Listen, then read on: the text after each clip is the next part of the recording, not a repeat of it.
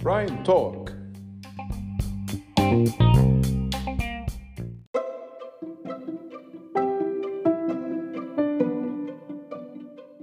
السلام عليكم ورحمة الله وبركاته. أهلا بيكم في حلقة جديدة من Prime Talk من بحوث برايم معاكم عمرو حسين الألفي رئيس قسم البحوث بشركة برايم لتداول الأوراق المالية. الأسبوع الماضي أصدرنا تقريرين عن قطاع البنوك المصرية.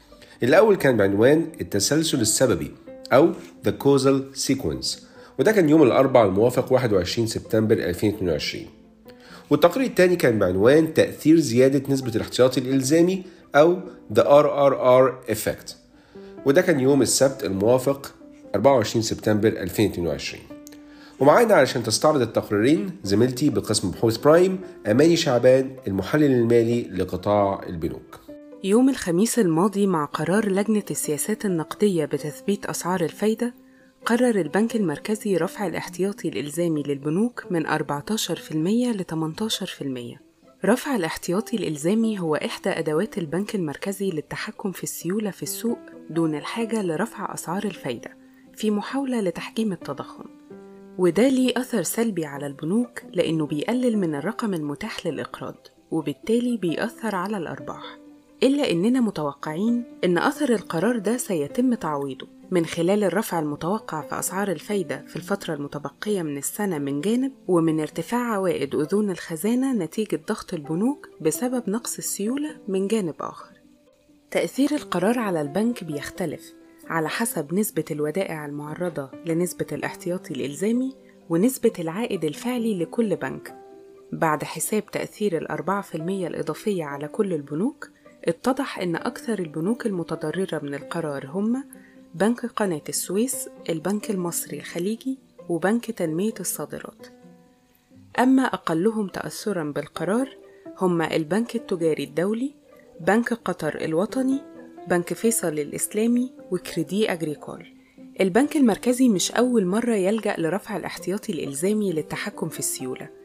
استخدم نفس الاستراتيجية في 2017 بعد التعويم ورفع النسبة من 10% ل 14% وشفنا أثر ده على ربحية البنوك في القوائم المالية للسنة لأنه قلل من حجم الودائع اللي البنك بيستخدمها للإقراض.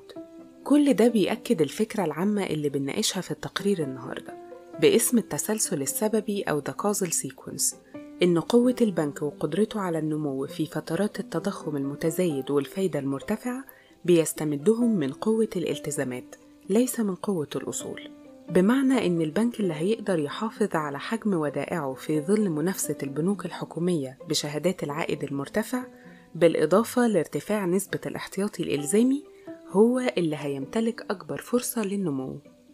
بالنظر في نتائج أعمال البنوك خلال النصف الأول من 2022 هنلاقي إن أغلب البنوك عملت معدل نمو كويس جدا على أساس سنوي.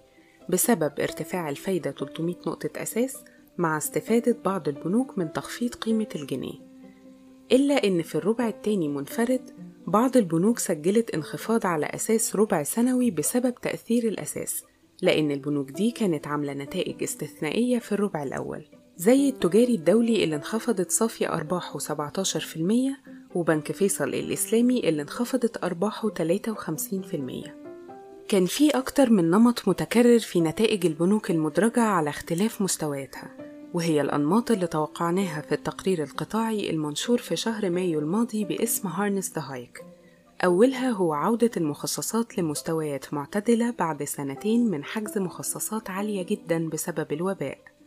النمط التاني هو زيادة الاستثمارات في أوراق الدين الحكومية مع ارتفاع أسعار الفايدة وده يمكن استمر في الظهور خلال الربع الحالي بعد ما إحدى عطاءات المركزي لأذون الخزانة لمدة 3 شهور وصلت لأعلى معدل تغطية يساوي 11 مرة مقابل متوسط السنة مرتين فقط.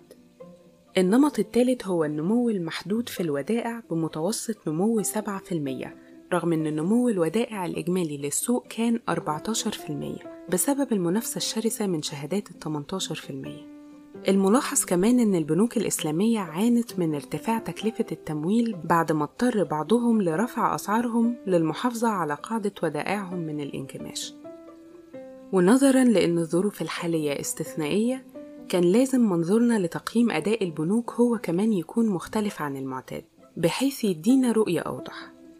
النسبة المعتادة المستخدمة لقياس الربحية هي العائد على حقوق الملكية أو ROE Return on Equity. إلا إنها بتتجاهل المخاطرة تماماً. عشان كده استخدمنا في التقرير نسبة مختلفة لقياس ربحية البنوك اسمها العائد المعدل بالمخاطرة على رأس المال الاقتصادي أو اختصاراً راروك Risk Adjusted Return on Capital. راروك يعتبر نسخة معدلة من ROE إلا إنه بيشيل تكلفة رأس المال الإضافي من صافي الربح وبينسبها إلى الحد الأدنى لكفاية رأس المال اللي بيساوي 12.5% من الأصول المرجحة بالمخاطر. كل ما البنك كان عنده أصول مرجحة بالمخاطر أكتر كل ما انخفضت نسبة الراروك للبنك. راروك مفيد مش بس لأنه بيبص على ربحية البنك لكن كمان بيوضح لنا إذا كانت أرباح البنك دي مصحوبة بمخاطرة عالية أو لأ. في حالة إن نسبة راروك للبنك أقل من العائد على حقوق الملكية ده معناه إن البنك مخاطرته عالية حتى لو ربحيته مرضية. أكتر بنك كان فيه فرق بالسالب بين راروك والآر إي كان بنك أبو ظبي الإسلامي وده منطقي لأن معدل كفاية رأس المال للبنك قليل جدا. أما البنوك اللي تميزت براروك أعلى من العائد على حقوق الملكية كانت التجاري الدولي وكريدي أجريكول. بالنسبة لتوقعاتنا للنصف التاني من العام إحنا بنتوقع استمرار الأداء القوي للبنوك باعتبار إن في زيادات مقبلة في أسعار الفايدة وانخفاض متوقع في قيمة الجنيه. اللي هيقدر يستفيد منهم هم البنوك اللي عندهم فجوة إعادة تسعير للأصول إيجابية والبنوك اللي عندها نسبة مرتفعة من محفظتها بالعملة الأجنبية زي التجاري الدولي وبنك فيصل الإسلامي. إلا إن قوة أداء البنوك هتتوقف على إعادة إصدار شهادات ال 18% من عدمها لأن في حالة ارتفاع الدولار بشكل أكبر من المتوقع نعتقد إن إعادة إصدار الشهادات هتكون هي الوسيلة لمحاربة الدولار. شكرا يا ماني. وفي نهاية الحلقة بنوجه عناية حضراتكم لصفحتنا على فيسبوك الأسهم المصرية مع برايم اللي ممكن تطلعوا منها على كل تقارير بحوث برايم ومن ضمنها التقرير اللي اتكلمنا عنه النهارده. وممكن التواصل مع شركة برايم لتداول الأوراق المالية على رقم تليفون 33 صفرين 57 صفرين. شكرا لكم والسلام عليكم ورحمة الله وبركاته.